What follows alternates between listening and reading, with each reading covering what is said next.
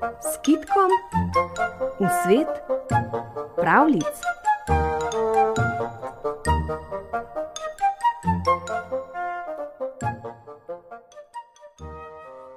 Vsem ljudem nikoli ne ustrežeš.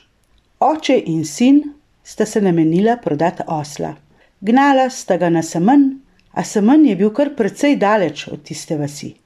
Pa pravi oče sinu: Poslušaj, ti si še majhen, težko boš hodil. Zlezi na osla, da ti bo laže. Sinko res zajaha osla, pa gresta naprej. Kmalu prideta v prvo vas. Na cesti srečata veliko ljudi. Ta jo maha sem, drugi tja, gledajo, govorijo, pa pravi eden. Poglejte no tistega otroka tam, na oslu sedi, jaha, oče se pa zadaj vleče. Mali naj hodi, saj je mlad, pravi oče. Slišiš, sinko, zlati moj, pojdi dol, pa se jaz usedem na osla.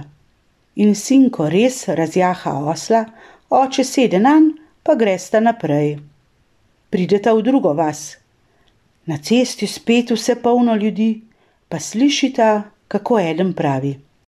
Poglejte, poglejte tistega deca, če se ni sam usedel na osla, otrok naj pa zadaj teče, je rekel oče. Si slišal, kaj pa zdaj? Nič, sta šla skozi tretjo vas, ampak tako, da sta osla gnala kar praznega. Ljudje pa spet, če nista ta dva bedaka, osla ženeta, pa kar praznega, saj eden bi ga jahal, če ne oba. Zdaj se oče ustavi. Dobro, kaj naj narediva? Tako ni prav, tako ni prav, tako ni prav. Najbolje, da ga res zajahava oba.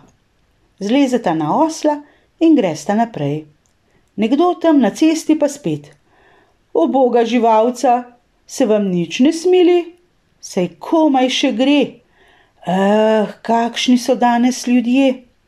Oče ustavi osla, zleze na tla in pravi: Tako je, sinko, vidiš, da vsem ljudem nikoli ne ustrežeš.